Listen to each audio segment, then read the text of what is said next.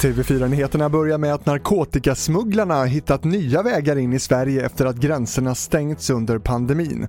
Flera knarkligor har upptäckts när de har försökt ta in droger till sjöss.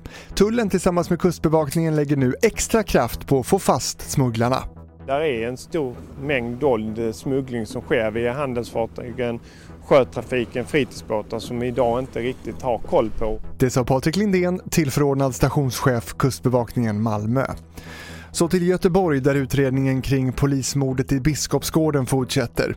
Idag hålls nya förhör med den 17-åring som gripits misstänkt för dådet. Samtidigt har många människor runt om i landet påverkats av polismannens död och nu har flera insamlingar startats som ska gå till hans familj. Till sist till Borlänge där faran nu är över efter en kraftig brand i natt i en restaurang i Kärna. Räddningstjänsten uppmanade boende att hålla dörrar och fönster stängda men klockan 01.30 i natt då var branden släckt och faran över och ingen skadades i branden. Det här var TV4 Nyheterna i studion Fredrik Rahlstrand.